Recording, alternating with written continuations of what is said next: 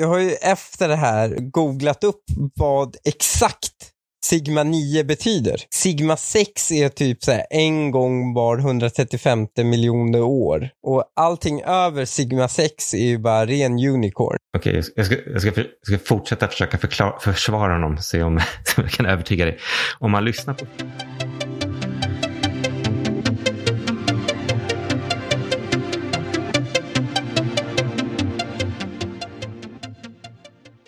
Det är, det är första april. Har du sett något bra skämt? Civilförsvarsministern gick ut och sa att de skulle bygga ett, eh, ett tillräckligt stockade av snus för eh, att eh, vi ska klara oss under krig i Mjölby. Med Mjölbypartiets mössa på. Det tyckte jag var kul. Men annars har jag inte sett något bra. Jag trodde det skulle vara mer eh, AI-bilder. För det, det var ju Ja, min men första. jag har sett några och jag tänkte faktiskt tanken att så här, kommer det här dö ut nu för att folk kan göra så bra fejkade AI-grejer? Mm. Principen bakom skämten är lite oklar för mig. För ibland är det bara så här, ibland är det typ inte ens kul. Det är bara någonting som inte är sant. Ja, det är bara en lögn. Ett bra första aprilskämt är ju inte sant, men det är sannolikt. Ja, precis. Det är där många går ju fel på den balansgången. Jag såg till exempel, vet du vem Claes Hemberg är? Nej, Ha- Han var sparekonom, eller vad det nu hette. Mm. ihåg, Ara. Den ena var ju tydligen inte marketing, men jag kommer inte ihåg vilken. Han hade alltid hängslen på sig, eller det har han ju fortfarande. Han postade, och det här är väl inom kategorin så osannolikt så att det inte blir kul. Det var att Mm. Stockholmsbörsen föreslår att unga får möjlighet att handla på gårdagens aktiekurs. Syf- syftet är att nå ut till unga aktieköpare och samtidigt öka intresset för nynoterade bolag. Den är ju 0% sann. ja. Eller den är ju 0% sannolik också. Mm. Det är ju det. De bästa är ju de som man bara en halv sekund i alla fall går på. Tr- tror är sann. Jag tror min kommun sa att den skulle byta namn till, istället för Åkersberga skulle den heta Akersberga med två A istället för att komma längst upp. Både vara internationell och komma längst upp i drop-down-menyer. Det är i och för sig, jag kommer ihåg när de först införde, införde fritt eh, typ val för äldrevården. Mm. Och det här var liksom innan internet var etab- eller innan alla hade internet så det gick ut en katalog och så skulle folk välja. Då var det ju vissa av de här äh, privata aktörerna som döpte sig till liksom AA för att folk liksom valde. Och sen så blev det liksom ett AA, ett AA care liksom för att de skulle komma högst upp. Men, nej, men jag såg till exempel, det finns ett företag som gör 3D-scanners eh, och kameror som heter Le- Leica. Mm. Ja, men de Och så- känner man ju. Och så la de ut på sin Instagram att eh, de ska göra en GPS-klocka. Och eh, det var en skitsnygg rendering. Men så bara, nej, det var ett första aprilskämt. Man bara, okej. Alltså, det är så här, why? Det var lite för sannolikt. Det skulle vara intressant om man så här strategiskt testade affärsidéer. Så kan man säga, nej, vi, vi skämtar bara om, om folk hatar det. kan man göra som börsen också? Gå ut med lite falsk marknadsinformation? Jag och säga, men det är ju första det. april. Jag, jag tänkte faktiskt just på det att om första april inträffar en vardag, om man då kan liksom skicka ut något kurspåverkande, tjäna pengar på det och sen så kommer man bara, nej men jag trodde ingen skulle gå på det här. Jag vet inte om du har följt, det finns ett svenskt bolag som heter Embracer. Ja, nej men de, eh, är det de som äger Coffee Stain? Exakt. Ja, Coffee Stain, är ju, Coffee Stain är ju så jävla grymma, men eh, de är en liten, liten, liten del av helheten så att det blir inte så ja, stor det är skillnad. jättestor. Men det har varit eh, en snackis har ju varit att de har sagt att de ska göra det de kallar plattformsdeal. Eller deras aktie har gått liksom dåligt och det har snackat om att de ska göra en plattformsdeal. Vilket tolkas som att någon stor aktör ska vara med och liksom typ få exklusivitet eller något på en del av deras spel i utbyte mot att täcka utvecklingskostnaderna. Mhm. Gud, Där tänkte jag där tänkte jag så här, om man skulle kunna göra någon så här första april. Alltså typ att de gör med Atari eller någon så här. Någon med en riktigt liten plattform. Men jag fick inte till, jag fick inte till bilden i Midjourney. Jag tycker att den är ganska, om, om det inte är en känd person utan att du Mm. måste mata in bilden, vilket var Mm. fallet här. Då tycker jag att den, eh, den liksom förändrar ändå bilden för mycket för att det ska vara bra. Så, Mm. men, men det kanske är jag som inte har lärt mig prompten. Det var ju någon påvebild som många trodde var riktig. Ja, den var riktigt bra. Eh, Jag hittade killens post på Midjourney. Mm. Alltså själva ursprungsprompten. Och det var ju deprimerande hur, det var chockerande hur liksom simpel den var. Han hade i princip bara skrivit Pope Francis with a winter, with a down winter jacket eller något sånt. White down winter jacket. Fluffy Ja, det. down Mm. winter jacket. Men det var inte så här, ah, du vet, in the style of och ditten och datten. Utan det var liksom, Nej, nej. More than 100 artificial intelligence experts. Nu vet man ju att inte alla är experter, men Mm. uh, urges delay until world can be confident. Effects will be positive and risk manageable.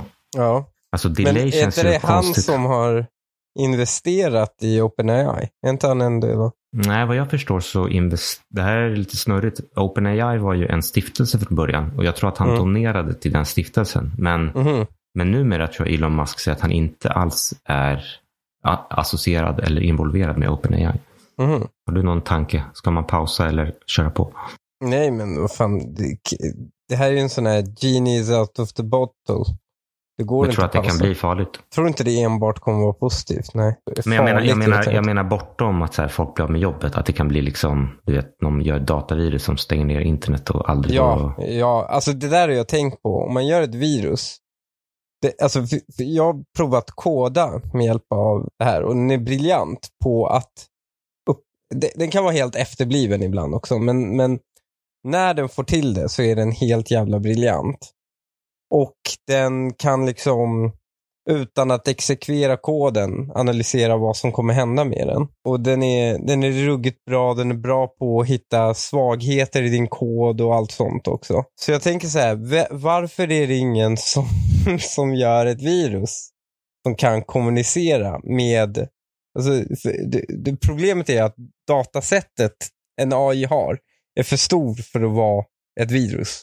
Mm. Men om du gör bara en liten proxy-grej som kommunicerar hem med main eh, och exekverar kod eller kan till och med kompilera kod på plats liksom. Som kan mutera i en eh, smittad maskin med hjälp av vägledning från huvudmaskinen. Då är du ju körd.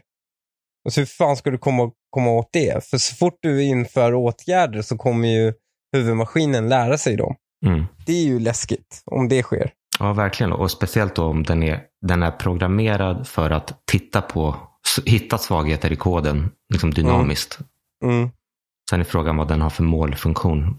Sen är den andra frågan, kan du använda AI för att skydda dig mot AI-virus? Ja, men det blir liksom någon form av tävling i vem som har bäst datasets för, alltså vem har den bäst tränade AI? Alltså om det blir typ som att det blir en, det blir ett event, typ internet är nere i tre dagar i USA på grund av ett AI-virus och då kommer det vara liksom 30 hearings och då kommer politikerna igång. Jag, jag såg, fan var det jag såg? Var det någon sci-fi eller någon film där internet, där det fanns, det fanns ett så här nytt internet och gamla internet. Och gamla internet, det var det internet vi har. För att den hade blivit liksom överspammad av bara rogue AIs och, och virus. Så ingen använde den längre och så byggde man upp ett parallellt internet där de inte fick, liksom, där man hade byggt om den från grunden så AI inte kunde göra det. Mm, Det är, det är Cyberpunk 2077. Do you still go to cyberspace? No. Promised myself I'd never set foot in there again. And why's that? Because I don't want to fry my brain to a crisp. Cyberspace was never safe to begin with. But after Rage Bartmoss unleashed Rabbids, the place turned into a hellscape overnight. I'm talking about malware that can flatline you in a matter of nanoseconds. AIs that creep into your brain via your connection. Data vortexes that would make a sane person lose their mind. Jag tycker det är intressant om man blickar tillbaks på så hype. Ehm, spe- Jag tänker framförallt på metaverse som var Oh, det hetaste man kunde vara för ett år sedan. Jag menar Facebook bytte namn, men nu läser man ju, nu är det bara nyhet efter nyhet över bolag. Jag tror det var senast jag läste att Disney hade sagt upp sin metaverse avdelning. Vad, vad de ens nu gjorde på dagarna. Var det någon som köpte den hypen någonsin? Alltså, du, jag kommer ihåg när det, jag bara, vad är det här för ny gimmick? Försöker de bara sälja mer Oculus? Vad är, det är alltid ganska självklart för den som provat VR någon gång att ingen orkar sitta på långa möten i VR. Alltså me- metaverse, när det i tidigt så var det, det var ju, i början var det ju typ definierat som du säger, liksom att, att leva i en VR-värld. Men sen så blev Mm. det väl mer diffust och diffust till att det liksom Decentraland som är ett spel som du spelar på skärm också var metaverse. Och eh, eh, typ Discord var också en del av metaverse för att du hänger där och umgås. Alltså det blev... Va? Det, det, på, Det på blev bara sätt, mer och mer abstrakt. Ja, men jag tror det finns ju en pressrelease från Ericsson där de säger att de är en del av metaverse för att, jag vet inte, de gör liksom routrar. Eh, så på det sättet blev det ju det per- perfekta begreppet eftersom det betyder allt och inget. Det finns eh, någonting som kallas expert networks. Har du stött på dem någon gång? Nej, vad är det? Du vill ha information om en grej, då ringer du den här byrån som ett expert network och de har liksom kontakt med massor med folk, experter inom citationstecken inom olika områden och så skickar de ut frågor och så betalar du för att få svar. Ja, Och okej. jag, hamn, jag hamnade på en sån, liksom, på en av deras listor för gaming. Mm. Och då var det så kul för det var ju verkligen en period förra året där det var jättemånga som frågade om metaverse. Du sk- skickade ut frågor i nätverket för att de ville lära sig mer om metaverse. Och då, då fick jag liksom, eh, vill du svara på det här eller vill du vara med och svara på det här eller inte? Och de frågorna, det var ju verkligen, det, känslan är verkligen att det är någon liksom, någon mellan, någons chef, eller någon mellanchef har fått från sin chef. Jag har hört, att det här, jag har hört om det här med metaverse. Viktigt att vi inte för, förlorar mark på det här. Nu får du utreda hur det påverkar vår business. Ja, men här- är till exempel en, jag plockade upp ett av de där gamla mejlen. Då var det A client in Japan is hoping to conduct a consultation given the following.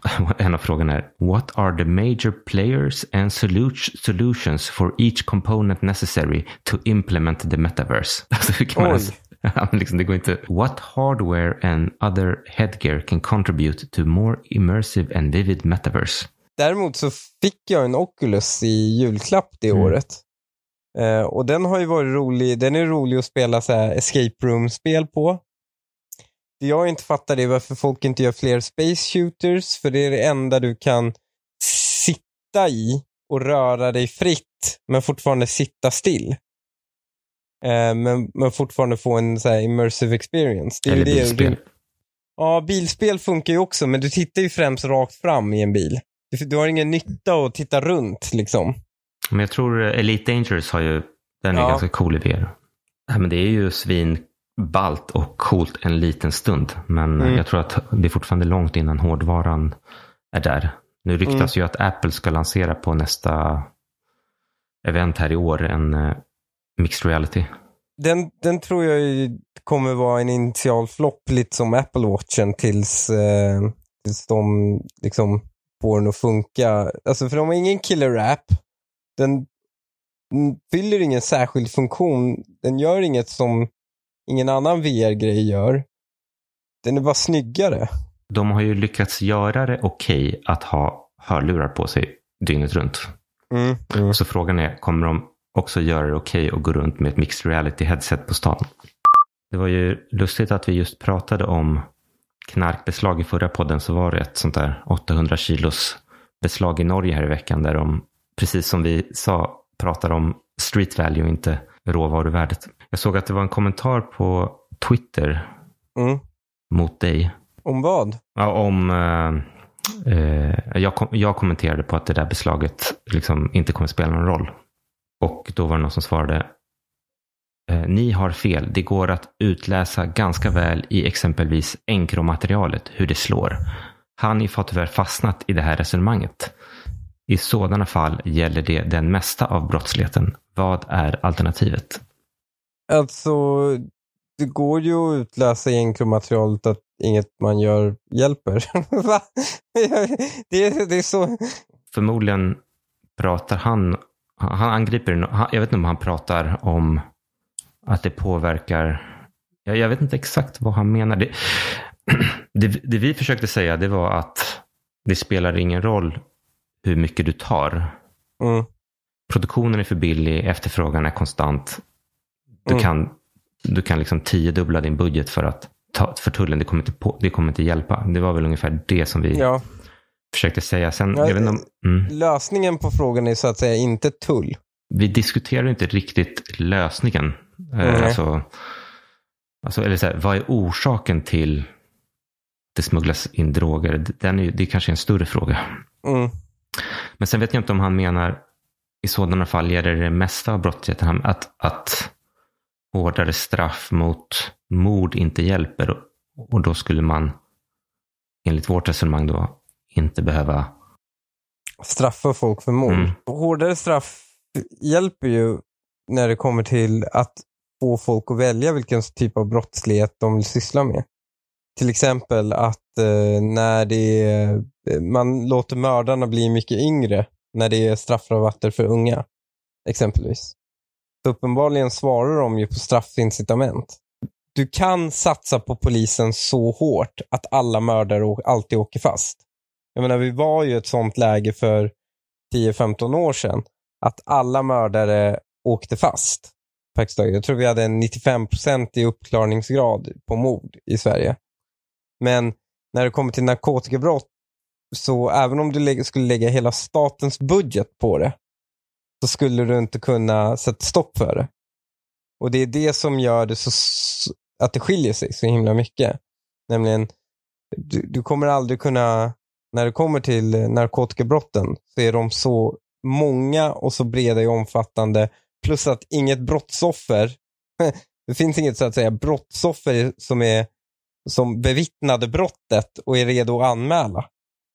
Eh, jämfört med andra brottstyper där om någon snor min bil så är jag brottsoffer och kan ge information om var bilen stod och jag hör av mig till polisen direkt när det sker och så vidare. Medan när det kommer till narkotikabrott så är det ju enbart polisen. Alltså det här är ju en så här, lägger polisen 100 timmar på narkotikabrott, ja då får de 100 timmars liksom fällda för det. Men om polisen inte lägger en enda timma på att försöka spana efter de här brotten, då kommer ingen anmäla dem. Alltså anmäla det. Jämfört med stöld. Om polisen lägger noll timmar på stöld så kommer folk fortfarande anmäla stöld. Eh, och Det är därför narkotikabrotten skiljer sig åt från många andra typer av brott. Och då kanske en vänsterperson skulle säga, ja men titta de har ju dödsstraff i USA och ändå fler mord. ja, men det är för att de har en helt annan... Men det är som att eh, man har dödsstraff på, på eh, narkotikasmuggling i Iran också. Men man har mer narkotikasmuggling i Iran än i Sverige. Är det Eh, sant? Är det sant? Ja, det tror jag definitivt. Alltså, i- i- Iranier pundar som fan. Mhm. Det är lätt, eh, alltså det det är ju inte bara det, man har dödsstraff på alkoholsmuggling eh, också. Men eh, det är lättare att få tag på en öl, liksom en kall starköl i burk på en söndag i Iran än i Sverige. Mm. Så allt handlar om eh, benägenheten i samhället. Eh, och man anpassar ju efter det. Om du har ett samhälle som är väldigt våldsamt, då, då kommer ju benä benägenheten kommer ju så att säga vara starkare än brottseffekten, alltså eller eh, straffeffekten. Men titta på El Salvador, det är ju ett väldigt bra modern, naturligt exempel. Ja, det var en av världens mest farligaste länder. De hade en murder rate som var helt bizarr. Och sen så praktiskt taget upphävde man all form av rättsstat som finns när det kommer till gängkriminella. Och nu så är, har tryggheten blivit så himla mycket bättre. Alltså murder raten är ju nere med 90% eller vad det är. Och eh, man ser till och med ökad BNP-tillväxt för att det är tryggare. Så uppenbart funkar ju så att säga hårda straff på vissa, på, eh, till viss mån. Kommer det funka inom Kristdemokraterna? det var min eh, krönika i Expressen faktiskt som, som kommer ut när den här podden släpps eh, handlar om. Ja, det kommer ju funka för att politiker svarar väldigt bra på straff. Mm. Om, om en partiledning säger att du kommer bli straffad om du yttrar dig på det här sättet så kommer folk sluta yttra sig. Jag var ju med i Moderaterna och skrev tidigt en artikel om otro, otroligt balanserad artikel om jag får säga det själv. Om, Ja, det var det faktiskt. Det var, vet du vad, jag tyckte det var så jävla orättvist nu i efterhand. Du var så här riksdagskandidat. Ha- Hamnade väl ganska bra tycker jag. eh, valbar I, plats ja, eller? men jag tror i, absolut i provvalsresultatet så var jag eh, i, topp tre i varje fall. I. Och du skrev en måttlig resonerande artikel om en, rim, en mer rimlig narkotikapolitik. Och eh, man strök dig typ från listan eller? Jag kan, jag kan inte leda i bevis att det ena ledde till det andra, men jag vet att eh, det var liksom den, val, det, det var liksom den frågan som kom upp i valberedningsmötet.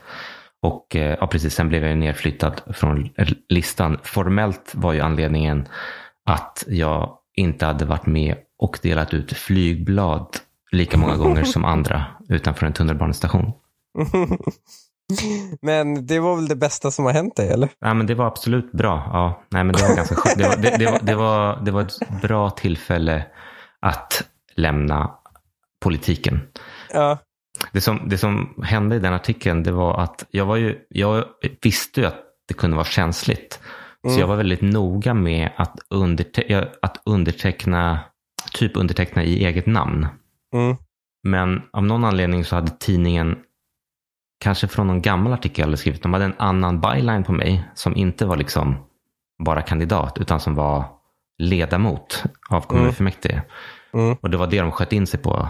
Så, när, jag, satt- när jag satt i valberedningsmötet så sa så här, du har undertecknat som typ ledamot, då, då blir det formellt, mer formellt att Moderaterna tycker så här.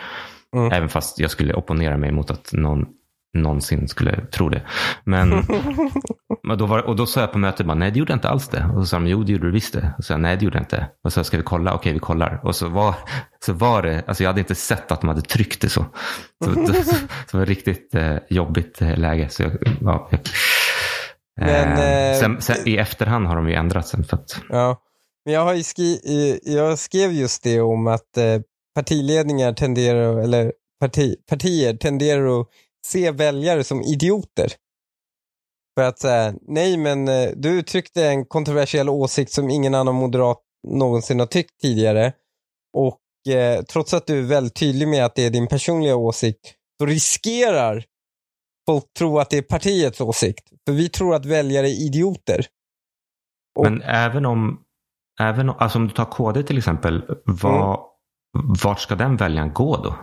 Alltså om den blir upprörd av, alltså om en väljare läser Sara Skyttedal på något konstigt sätt kommer till slutsatsen hela KD tycker så här. Mm. Vilket parti ska den lämna till? Eller är det ens rimligt? Ja, det är att väl den... alla andra partier är väl då funkar väl i den frågan. Ja, men om du redan är i KD, vad ska du gå till liksom folk? Eller jag vet inte. Nej, det blir Ja, för den som inte hänger med så pratar vi alltså om Sara Skyttedal och hennes eh, cannabisartikel där hon ville avkriminalisera eh, narkotikabruk som resten av världen har gjort. Ehm, Sverige är ganska unikt med att vi kriminaliserar innehav i blodet. Och hon ville legalisera cannabis, alltså eh, reglerad försäljning av det. Och det ledde ju till att eh, Nej, men, eh, jag har aldrig sett en partiledare så öppet säga utan att bara direkt kräva en avgång och säga att någons politiska karriär är död.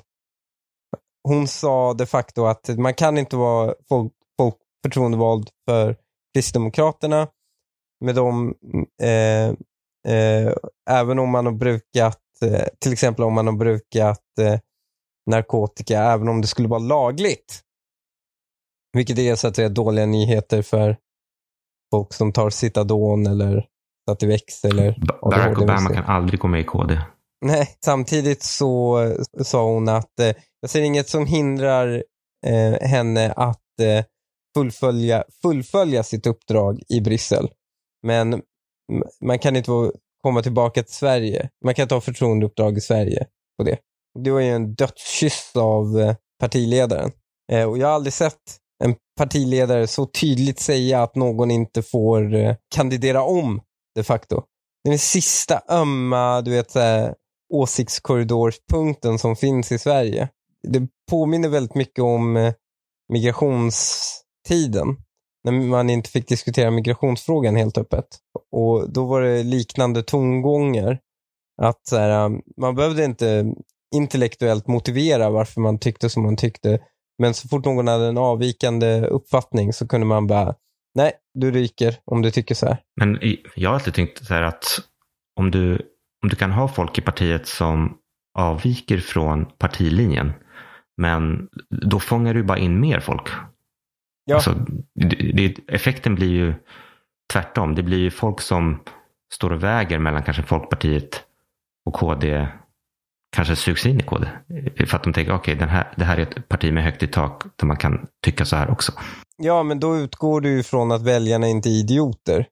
Mm. Eh, och den väljarsynen har inte partier. Partier har en fruktansvärd väljarsyn. Alltså man, man tycker att väljarna är idioter. Och det här är grejen, att väljare är oftast ganska eh, okunniga. Man är, ganska, man är inte så påläst, men man är smart. Alltså det är så här, den generella väljaren är inte dum. Den är bara inte lika påläst som politikerna. Men den är inte dummare än politikerna. Men när det kommer till sådana här saker, det är ju, en, det är bara en intelligensfråga. Är man dum i huvudet eller inte? Och det är inte väljarna. Är det, men är det inte tvärtom då? Att det är politikerna som är dummare än väljarna och de projicerar sig själva på väljarna? Förmodligen. De flesta politiker är faktiskt så här, nej men politiker är bara verkligen normalfördelat. Det finns här, riktiga idioter, riktigt smarta människor. Den stora saken som skiljer oss är även om de är dumma eh, så är de ganska pålästa. Mm. Till den omfattningen de klarar av att förstå det. Så, så har de liksom läst på om det och är kunniga. Men det här får dem att tro att de är smartare ibland. Mm. Och det är de inte. Jag försöker ju hålla dig uppdaterad på finans-Twitter. Mm. En kul snackis som jag tror vi sig varit i två veckor eller en vecka. Det var ju en fondförvaltare som var med på DITV. Oh my god, Och- jag såg den. Och ja, precis vad... Hur mycket såg du? Eh, Jag såg hela, men kan, du, kan, du, kan vi spela upp den? Ja, jag spelar upp den här. Ja, men det är klart att det är alltid tufft att börja med en drawdown. Jag tror efter gårdagens NAV som kommer upp senare här idag så är jag väl ner 6,5% på året. Och spontant så kan man ju kika på och kolla men hur har aktiemarknaden gått då? Men det är ju betydligt bättre än det då. Eh, och jag tror att här blir det viktigt, eh, precis som när man tittar på andra investeringar och försöka zooma ut lite och kolla på perspektivet. Global makro och trendföljande strategier som min fond kategoriseras inom haft sin värsta månad här i mars på 23 år. Ett 9 sigma-event, alltså otroligt ovanligt. Vad är ett 9 sigma event? Ja, det, det, det är något som händer väldigt, väldigt sällan. Vi får gå tillbaka 23 år till förra IT-bubblan för att se en så här stor nedgång för den här typen av fonder. Jag har ju efter det här googlat upp vad exakt Sigma 9 betyder. Så allting, det, det handlar ju om sannolikheter. Och eh, så här, Sigma 6 är typ så här, en gång var 135 miljoner år. Det är sannolikheten typ. Och allting över Sigma 6 är ju bara ren unicorn. Det är liksom, eh, och Sigma 9 är ju praktiskt taget en enhörning som liksom flyger ut genom ett svart hål och kastar en miljons trillslotter ur sin röv. Liksom. Det är så osannolikt en Sigma 9-event där. Och han beskriver då, någonting som skedde för 20 år sedan, eh, som ett Sigma 9-event. Det är faktiskt, ja, det är, no det är något som inte, antingen inte kan matte eller är bara riktigt, riktigt bra på att försvara sig. Min ryggmärgsreaktion Mm. var också, vad, vad fan pratar han om? Eh, jag skissade till och med på en mid-journey meme där en förvaltare står och pratar med en dinosaurie. Och liksom, ja, men, så här, jag vet hur det är med 9 sigma-event. Liksom. Eh, jag, jag, jag tror att dinosauriernas, alltså att om man kollar på sannolikheten för en meteorit av den storleken att träffa jorden per år så är Mm. inte ens det 9 sigma. Nej, Men sen tänkte jag, jag måste säga att jag, man gillar ju att vara contrarian. mm. Grejen är att den här killen har själv retweetat det där inlägget. Mhm. I det kommentarsfältet så har ju många liksom hånat honom för det. Men jag skulle nästan vilja fråga honom, för nu när jag tänkte efter, 9 sigma, det är så extremt. Så jag Mm. undrar om det antingen var som ett dåligt skämt, eller Mm. om man gjorde det för att han visste att det skulle bli viralt. Om man nu ska, för, för att han har Jaha, själv, nej. du tror inte det? Don't attribute stupidity to malice. Liksom. Alltså, Man har själv retweetat det och det är Nej, men han tror Mm. att det är en bra talespunkt för att säga, för att försöka bygga förtroende för sin, för sin eh, fond, nämligen att eh, det här är så ovanligt, det här är jätteovanligt, var inte, fly inte mig. Okej, jag ska- jag, ska, jag, ska, jag ska fortsätta försöka förklara, försvara honom, se om så jag kan Mm. övertyga dig. Om man lyssnar på hela klippet så, Mm. Så säger DI-killen att eh, han har velat ta upp och prata om fondens dåliga utveckling. Han, han har liksom bett DI att få kommentera det. Det Mm. tycker jag i och för sig som en, som en side-note är beundransvärt. För att det är ju sällan en fondförvaltare går på tv och säger jag vill prata om hur dåligt vi har gått. Nils har själv och självspäkande bett att få prata lite grann om avkastningen i hans egen fond som inte har varit kanske vad du hade önskat när du började. Ja, men det är klart att det alltid Men då, är Ja, frågan, men då är frågan då, har han, har han tänkt, jag drar till med något bisarrt för att bortförklara det? Eller, eller är ett skämt som landar fel? Eller vet jag att... tror det här är mediehantering, nämligen om jag har, om du tittar på alla företag som gör en blunder, det första de gör, vilket är liksom 1A, är ju att liksom be om ursäkt, förklara sig och inte försöka mörka att det har skett. Inte förneka att det har hänt. Och det här är ju samma sak. Om du gör, om det har gått dåligt så är det inte så att han går dit och bara, nu ska jag låtsas att det inte har gått dåligt. Utan han riskerar att förlora sina kunder för att det har gått dåligt. Då måste han ju prata om det. Eh, Det är ju så Ta här, tjuren vid hornen då? Typ. Ja, exakt. Typ så här, jag ser er. Eh, Men det här är jätteovanligt. Det här, var, det här är inte vårt fel. Liksom. Det här är eh, en unik händelse. Ni behöver inte vara oroliga för det här. Att han vill ta upp det är ju en del av hans krishantering av sina kunder. En, en annan sak som i och för sig slog mig då, det är, okej låt oss säga att han inte vet vad han pratar om. Och här, den här fonden som han driver, det är någon sorts allokeringsfond. Den investerar, vad jag förstår, inte så mycket Är det, enskild... är det inte en makrofond, eller? Ja, precis. Så den investerar inte i enskilda aktier utan den försöker liksom investera i liksom länder och aktier kontra valutor och liksom Mm. försöka träffa de här makrotrenderna. Och eh, tror att de säger att de är delvis kvantitativa. Sen finns det en annan kvantitativ fond som är från liksom fina Brummer. Och skulle du liksom prata med förvaltaren för Lynx, som den heter, han skulle säkert låta skitsmart. Men, men de är ner ännu mer än vad han är. Så, så det är nästan så här, vad är värst? En fondförvaltare som låter skitsmart och har gått dåligt eller en fondförvaltare som låter korkat och har gått dåligt? Men jag tycker det, det här är bra hantering. Han, Mm. han säger något edgy, det blir viralt, han kommer ut till sina potentiella kunder att eh, det, det, det, här, det här är en eh, once in a lifetime händelse, ni behöver inte vara oroliga för att det här ska ske igen. De som stoppar in pengar i den här typen av fond, Mm. det är ju kanske personer som inte är dödsinsatta. Det är därför de, det är därför de stoppar in hos Mm. någon annan. Och alltså i linje med det här att eh, när fish, alltså vad är det, phishing-mail är skrivna på ett dåligt sätt för att filtrera bort de smarta. Ja, Att det skulle vara liksom för hans publik så är det här ett jättebra citat och att några på Fintwit hånar honom och att han kanske faktamässigt har helt fel eftersom 9 sigma är mycket, mycket, mycket, mycket, mycket ovanligare. Det Mm. spelar ingen roll. ja. Eller så var det meningen att användas som en, en hyperbol helt enkelt. Det är en liksom, man ska inte ta det bokstavligt.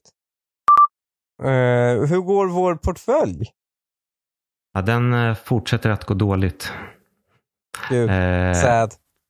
Tesla är upp, MAG hade rapport och liksom rapporterade precis som man kanske hade förväntat då.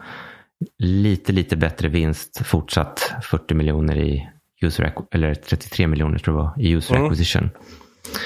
Så rent matematiskt borde det egentligen vara nästa eller kvartal, eller nästa kvartal borde det kanske bli 4-5 miljoner vinst och sen så borde det liksom ticka på mot Mm. 10-15 om eh, modellen stämmer. Men eh, vi var tidiga, så den är också ner lite. Det, det som är fortsatt upp är ju Activision Blizzard. Ja, det kom lite positiva nyheter om den från Tyskland va? Ja, eller om det var, var det Storbritannien eller EUs Ja, konkurrensmyndighet ja. tror jag som indikerades att efter att de har varit extremt kritiska nu ska släppa igenom den. Men eh, de verkar suga på den här karamellen i USAs konkurrensmyndighet i varje fall.